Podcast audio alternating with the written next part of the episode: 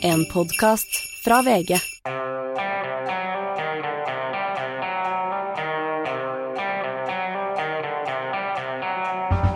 Det er eh, romjul, og vi holder hjulene i gang her i Everøy-gjengen. Eh, Norges mest hardtarbeidende podkast, Hans Petter Vi Sjøli. får jo aldri fri, eh, Anders. Hva er det her for noe? Nei, vi, vi tar aldri fri, for vi er, eh, det er samfunnsoppdraget. det er det det er, rett og slett. Vi, er, vi, vi jobber i en med bransje med et tungt oppdrag, og det skal vi ta på alvor. Det tar vi på alvor, selv om de nå truer med å ta momsfritaket fra oss. Ja, ja. Og sjøl om vi sitter her og spiser småkaker og drikker uh, vørterøl, så, så håper jeg at det vi skal snakke om nå, gir mening. Ja, og det er jo det er romjul, og det er litt sånn, må jeg si, det er jo litt eh, frirom for oss når vi skal snakke om noe som vi ikke har snakket om her, men som egentlig eh, Altså, journalister mener jo om alle mulige rare ting, eh, og, og særlig vi kommentarjournalister kanskje, men dette her er noe vi ikke har skrevet og ment så mye om, men som ligger vårt hjerte nært, eh, Hans Petter, nemlig litteratur. Ja, det er en såkalt friromjul, eh, og vi skal snakke om eh, litteratur, ja. Jeg har jo for så vidt drevet litt med anmeldt noen bøker, det har du gjort? eh, Jeg Anders? har anmeldt noen liksom, bøker, sånn, men lite ja. skjønnlitteratur, altså. Ja, mye, mye, mye sak, da, for Ja. vi, vi menn er jo veldig opptatt av dokumentarer og eh, solide verker. Men litt Jeg litt, anmeldte litt, én Dag Solstad-roman en gang på 90-tallet i eh, Arbeiderbladet. Ja, var det positivt? Det var kjempepositivt, det var, og det var, det var den fra Kongsberg. Kemneren på Kongsberg. Ja, den, den første boka om Bjørn Hansen, sikkert. Ja, nemlig. Ja, eh, det, det er jo en klassiker. Det kommer to eh, oppfølgerbøker om den eh, figuren. da. Det, det er jo noe av det morsomste Solstad har gjort. Ja, ja, nei, det var, jeg var Men litt sånn preget av ærefrykten å skulle anmelde Solstad, så det er mulig at den ble litt ærbødig. En liten eh, Solstad-anekdote. Jeg skrev om han i Klassekampen, bare en sånn, mer en sånn, da jeg jobba der for mange mange år siden. eh, litt mer sånn kommentaraktig. hvor jeg skrev noe sånn som at den nye boka til Solstad kanskje ikke var, oppfylte alle forventningene. da. Eh, og da uh, merka jeg etterpå at det var litt, sånn, litt nervøsitet i lokalene, at eh, man tramper selve Mester Dag litt for nært. da, At eh, han ble litt lei seg over det. og Det kan godt hende, jeg vet ikke. Ja. Vi må jo også ellers da øh, klargjøre her Her sitter to veldig hvite kulturmenn og skal snakke om litteratur. Eh, Det er eh, an all white panel og ikke noe kvinner. Og La oss si det sånn, vi prøvde å få med uh, jenter her òg. Det var ikke så lett akkurat nå i jula. Det var masse som skjedde og, og sånn. Men uh, du er litt spesielt kvalifisert likevel, for du er med i en uh, mannlig eh, lesesirkel som bare leser kvinnelitteratur. Ja, og det heter altså Lesesirkel for menn som leser ny skjønnlitteratur av kvinnelige forfattere på inntil 150 sider. Det Ta er den en gang til. Lesesirkel for menn som leser ny skjønnlitteratur av kvinnelige forfattere på inntil 150 sider. Det er det offisielle navnet på den lesesirkelen. Det begrenser jo utvalget litt. Grann. Ja, det gjør det, men det er også litt fint, da, fordi eh, da den ble nedsatt under koronaen, det var et slags koronatiltak, eh, så trodde vi først at det var litt sånn at eh, han som sto bak det, en veldig artig skrue som heter Andreas Brekke. vi- Jobbet her i VG ja, før. ja, vi trodde at han tulla litt da når den nedsatte men eh, så viste det seg at det var blodig alvor, og det, og det er det. Eh, Det er blitt en helt fantastisk eh, klubb, sirkel, lesesirkel, som er, vi leser en bok i måneden, og, og um, det at det er begrenset til 150 sider, gjør at vi faktisk rekker å lese bøkene også, for det er også et problem ofte når man skal lese i fellesskap, at, at det, man tar på seg litt for mye. da. Og, og vi har lest uh, masse bøker som jeg aldri ellers kom til å lese, tror jeg. Um, av litt varierende kvalitet, men uh, mange av dem uh, er også gitt uh, store leseropplevelser, og i etterkant også veldig gode diskusjoner i den sirkelen her, da. Leser dere aldri noen mannlig forfatter? Nei, ikke i sirkelen. Det gjør vi ikke, nei.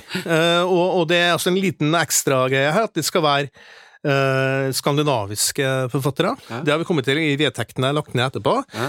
Eh, og det var en som foreslo da, da Annie Ernaux, den franske forfatteren vant eh, nobelprisen her i, eh, i høst, så var det noen som sa at kanskje vi skal benytte anledningen til å lese Annie Ernaux, da, hun er jo fransk. Eh, og da sa eh, Andreas Brekke at slutt med sånt vrøvl. Ja. Så vi skal ikke vi, Dere må vi- vi gjerne lese det, men det blir ikke diskutert i Det blir ikke diskutert, det er vedtektsstridig. Ok. Eh, Vi har ikke så strenge vedtekter her eh, for denne Takk og lov, sier jeg. Takk og lov, ja. Jeg har bare én bok på lista mi som jeg tror går innafor der. Men, eh, men vi har skrevet opp noen eh, bøker. Og egentlig vil vi begge vil gjerne ha en fem-seks hver, men det tror jeg kanskje ikke det blir tid til. Men la oss begynne på toppen av din liste, håper jeg. Eh, Ja, Hvem har du der? Den er urangert, den lista, må jeg si det.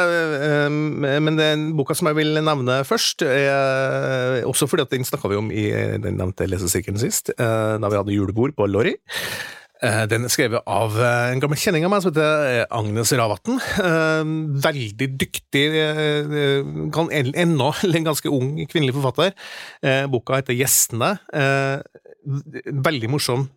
Eh, et morsomt kammerdrama fra, fra Sørlandet. En slags sånn kunstnerroman også, og en, en roman som også handler om, om klasse. Handler om, om uh, hvordan uh, kultureliten møter skal vi si, mer vanlige folk. Det, det er et utrolig morsomt uh, drama satt ned til Tjøme eller der omkring, eh, som, som har også en sånn, en sånn overraskende vending underveis. Som, som, det er skrevet nesten som en slags sånn, det er et slags sånn krimplott der også, som i hvert fall sånn implisitt, som gjør at Hvor mange boka, sider? den er på eh, 100 og hva var 100 og, Den gikk litt over, der, okay, men, men ikke mye. Tror jeg, men rundt 170. Strenge Andreas eh, gikk Ja, han gikk med på 170 sider, tror jeg den var på. Den, en, eh, Agnes Ravatn har et veldig interessant forfatterskap, og, og gjestene er kanskje ikke Det er ikke en sånn viktig bok fra, fra hennes side, jeg tror kanskje litt sånn ventebok mellom litt sånn mer ambisiøse prosjekter, men det er en bok som jeg virkelig, virkelig anbefaler.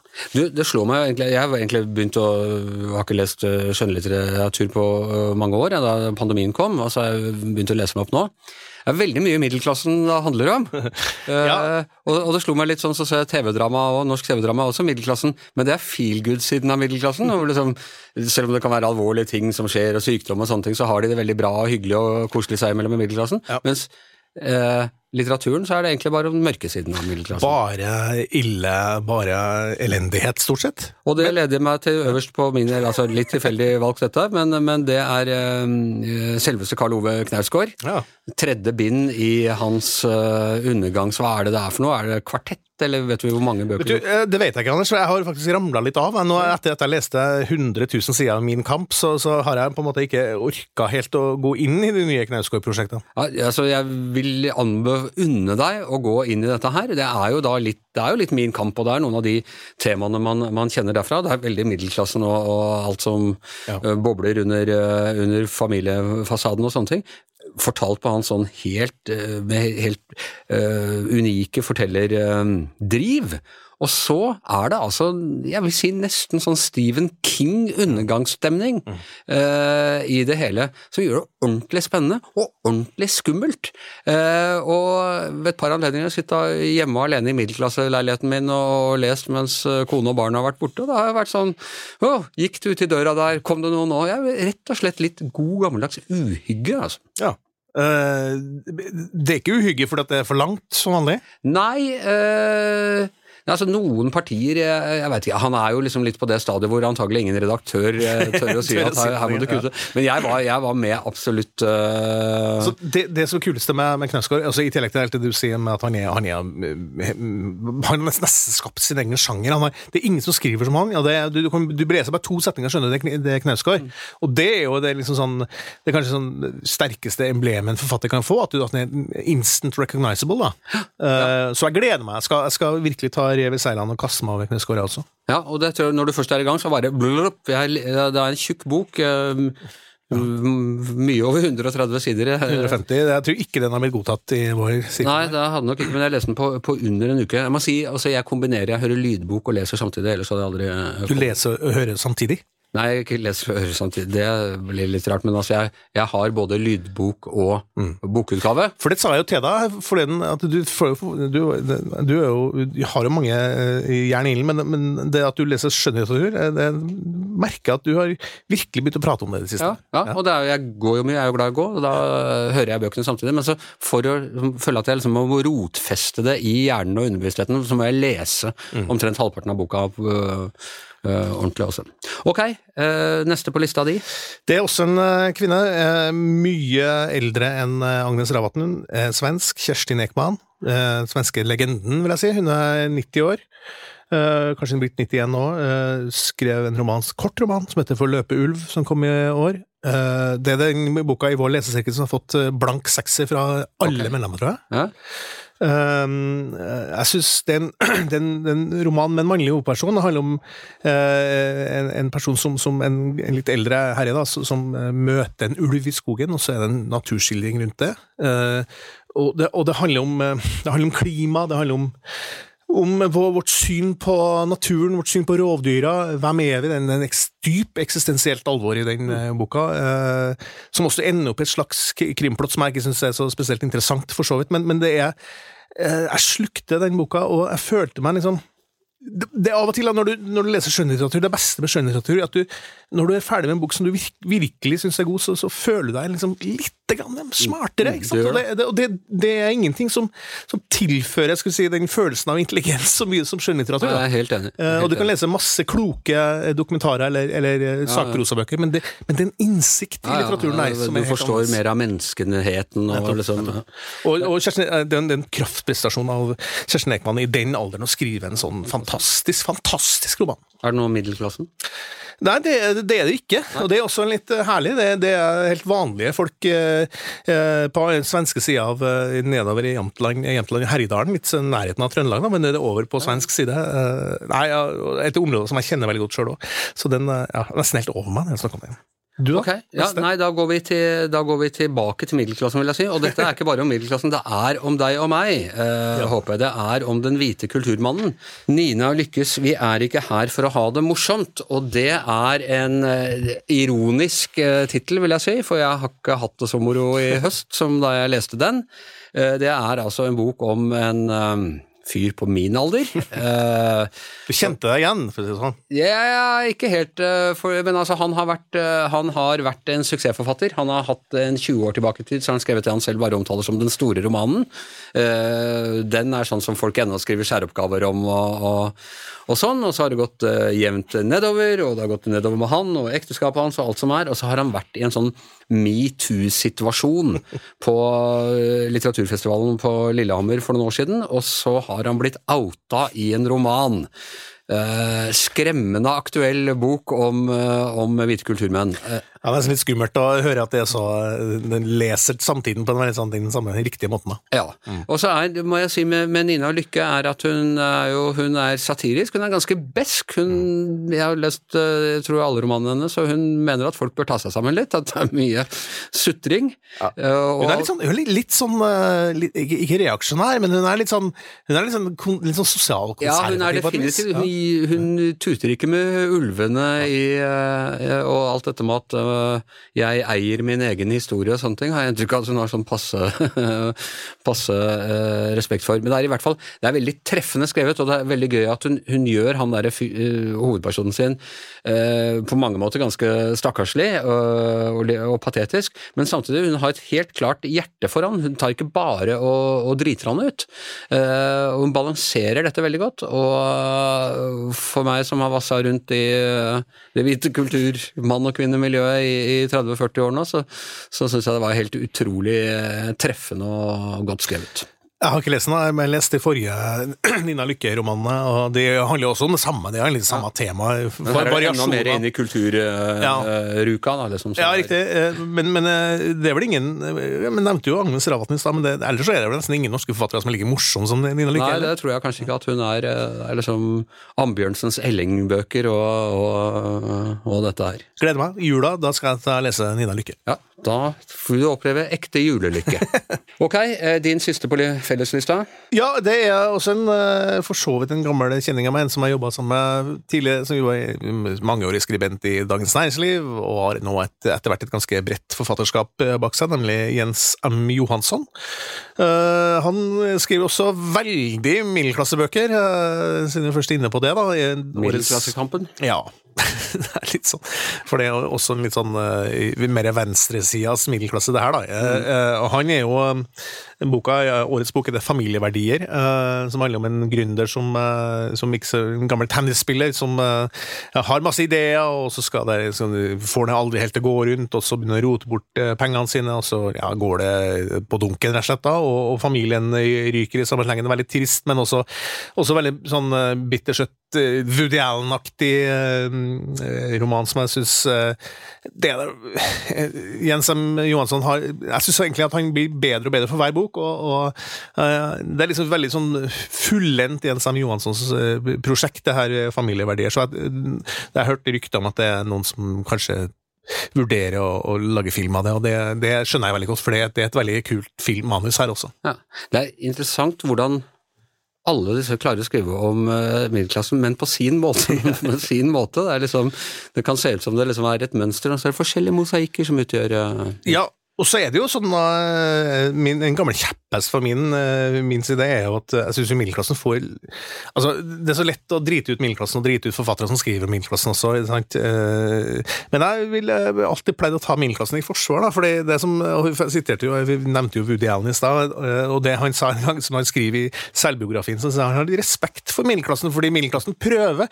Det er alltid den, Det er kanskje den samfunnsklassen som, som, som ja, som, som har mest dårlig samvittighet og, og liksom uh, tør ikke helt å ta den helt ut fordi man har så mye hensyn man skal ta, og man prøver å være et skikkelig menneske, da.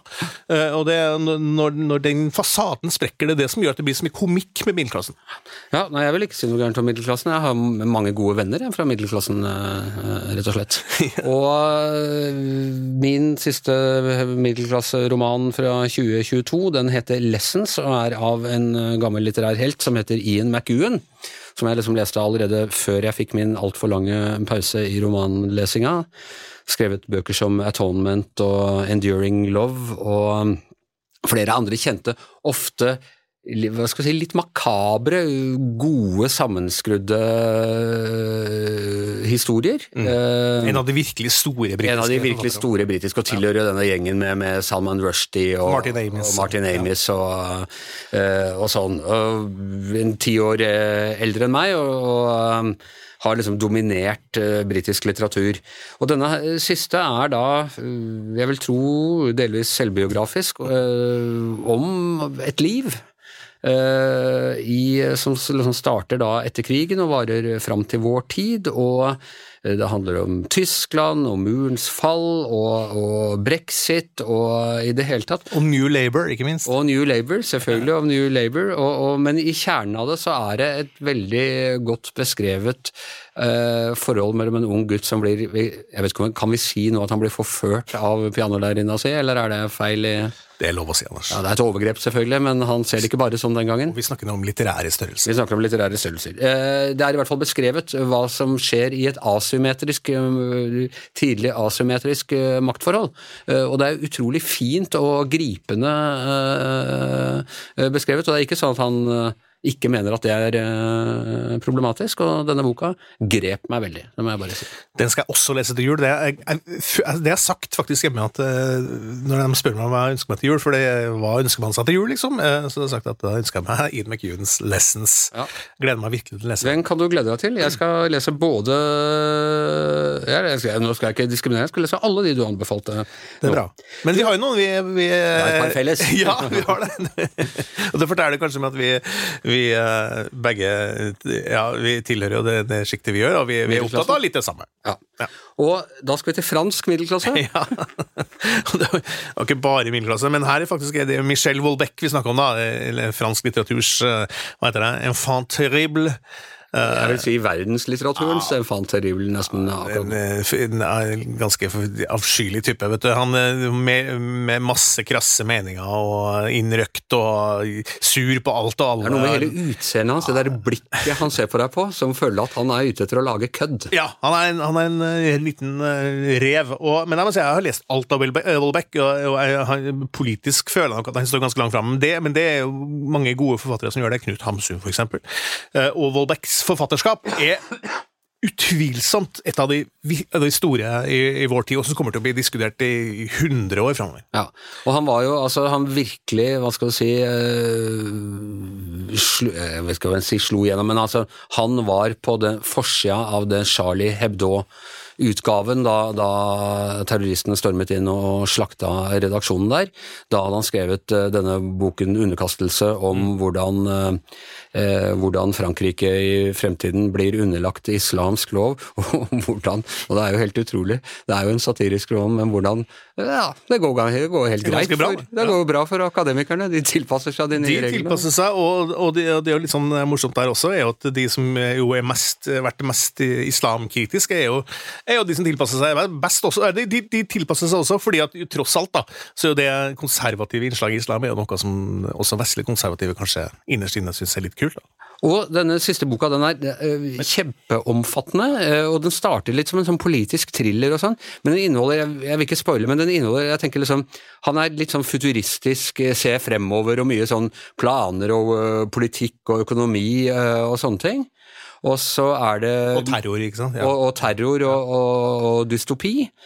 Og så er det også alltid noe ganske, altså, noen sexskildringer som jeg føler er rett ut av eh, Clay Allisons sexy western, som jeg leste da jeg var 11-12 år gammel. Eh, altså, de er så harry at det er festlig å lese dem. Men eh, ja, det er kjempefestlig, og det har den vært hele veien. Altså, jeg syns Wolbeck er faktisk veldig god til å skrive. De fleste forfatterne vi leser, eh, Anders, skriver ganske dårlig om sex. Ja, det gjør det. Det blir sånn kleint. Ja, det blir litt sånn høystemt og litt sånn Ja. med sånne metaforer som, som bare, du bare syns er bare teit.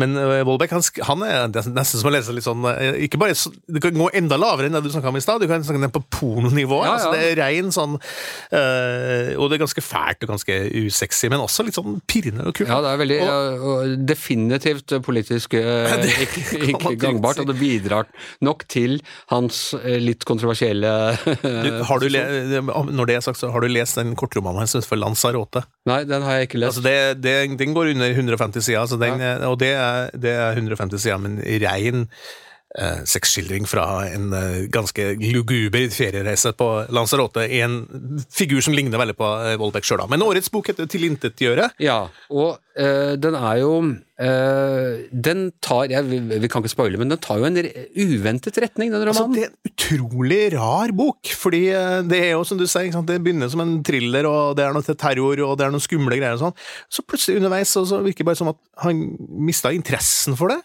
og så blir det en Altså, Du må ikke fortelle hva, da. Nei, jeg skal ikke si hva, men det blir en veldig følsom, Ja. eh, klok, varm kjærlighetshistorie, da. Ja.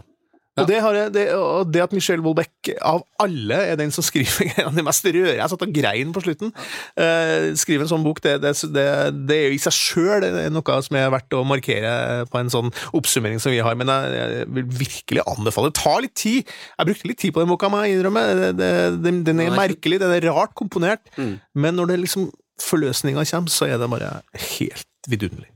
Eh, så må det også sies at han var nå intervjuet av var det danske informasjon eller et eller annet sånt ting, og var helt tilbake til den islam overtar i løpet av ti år. og Så, det er ikke at han bare er blitt et varmere menneske. Nei, mange håpa kanskje det at eh, nå hadde Vollebekk eh, funnet fred, og, og, men han er fortsatt full av faen, gamle Michel. Det kommer nok masse kontroversielle uttalelser og bøker sikkert fra den kanten etter hvert også. Så helt til slutt, eh, en bok jeg bare så vidt har begynt på, men bare kjenner at jeg gleder meg til å lese nå i jula, som du er ferdig med. Ja, og det er vår skal vi si, gamle kjenning, kjenning Lars Elling. Eh, hans første roman. Han er jo billedkunstner og tegner og, og en, eh, sånn altmulig-kunstner. Og har laget barnebøker og Ja, men romanen heter altså 'Fyrstene av Finntjern', en Oslo-roman. Eh, og du verden eh, som Lars Elling kan skrive. Ja. Altså, er det de vakreste naturskildringene som eh, ja, nesten noensinne har lest. Han, han skriver altså om to Det, det som foregår på forskjellige, to forskjellige plan, eh, tidsplan, da, men det, det han skriver om det to, to gutter på 30-tallet som blir på, i Oslo-gutta, som eh, blir rett og slett sendt opp i marka for å være der hele sommeren og klare seg sjøl. Og det, det, det skildringene av, eh, av Oslomarka Jeg tenkte jo faktisk på deg, Anders, da jeg leste det, for du er jo så glad i Oslomarka. Eh, det må, det må jo være helt altså, Bare beskrivelsen av alle de forskjellige tjernene der oppe, og, og han beskriver de møter ta- tatere som er i marka, de møter fisker det, det, det er sånn det er, du, det er nesten så du smaker, nesten så du kjenner hvilket vær det er, hvordan tyttebæra de tar smake, hvordan? Det, det er en sånn veldig sånn, hva heter det, stofflighet i den romanen som er bare eh, Takk til Lars Elling for den, altså. Og jeg må bare si, altså Lars Elling er ofte, man har intervjuet billedkunstnere opp igjennom, det er ofte litt vanskelig, de kan bli litt sånn luftige i sine metaforer og eh, oversetter ikke så godt eh, til språk, men det er jo nettopp det. altså Han bruker det der utrolig gode, observerende blikket sitt, han er klassisk tegneutdannet, og, og, og klarer å, å forklare eh, på en veldig presis, eh, nesten gammeldags måte, hvor, hvor, hvor utrolig presis det der språket hans er, som gjør at du blir veldig til stede i de situasjonene han eh, skildrer. Helt enig.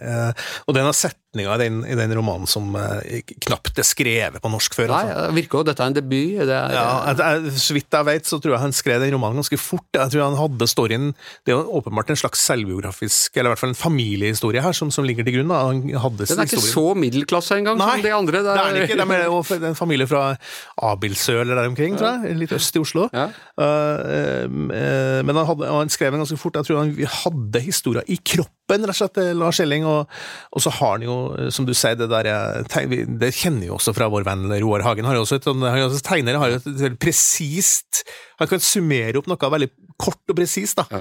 som vi andre dødelige ikke klarer. Og det gjør Lars Elling til det fulle den med boka. og det, Derfor så, så For meg det har vært et veldig deilig litterært, litterært år, men den absolutt største overraskelsen, den som, tok meg mest på senga, var jo boka til Lars Elling, 'Fyrstene 'Fyrsten av Finntjern'.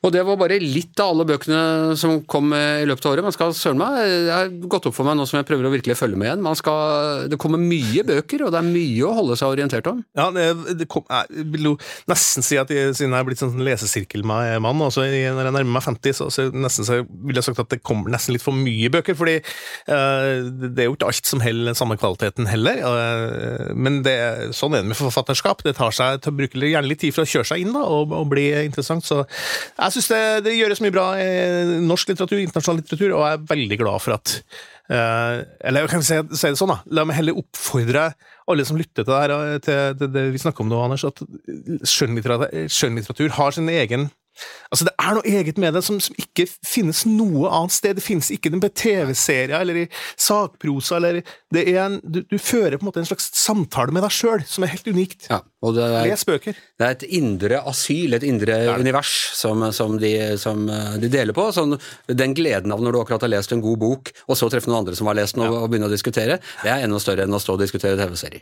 Jeg, jeg er helt enig. Og da kom jeg på det, Tore Renberg du, han hadde, var programleder for eh, Lese... Jeg husker ikke hva det programmet het. Leseforeningen. Leseforeningen. Så Det var da jeg møtte min kone. Det er riktig, det, det har jeg, den historien har jeg hørt. Og da bare avslutta Tore Renberg, som er også en forfatter som jeg liker veldig godt, og en veldig artig type. Han sier- avslutta alltid med 'jeg bare elsker litteratur', og det skriver han på. Jeg fuckings elsker skjønnlitteratur. Det lar vi være siste ord eh, for denne bokpodden i, fra Giæver og gjengen denne gangen. Tusen takk til Hans Petter Sjøli. Jeg heter Anders Giæver, og eh, mannen som eh, har holdt orden på alle disse bokmerkene, er som vanlig vår produsent Magne Antonsen. Ja, jeg følte at det var eh, god samtale. Hvor lange ble vi? Nei, 28. Ja, da, perf. Ja, men det er helt ålreit.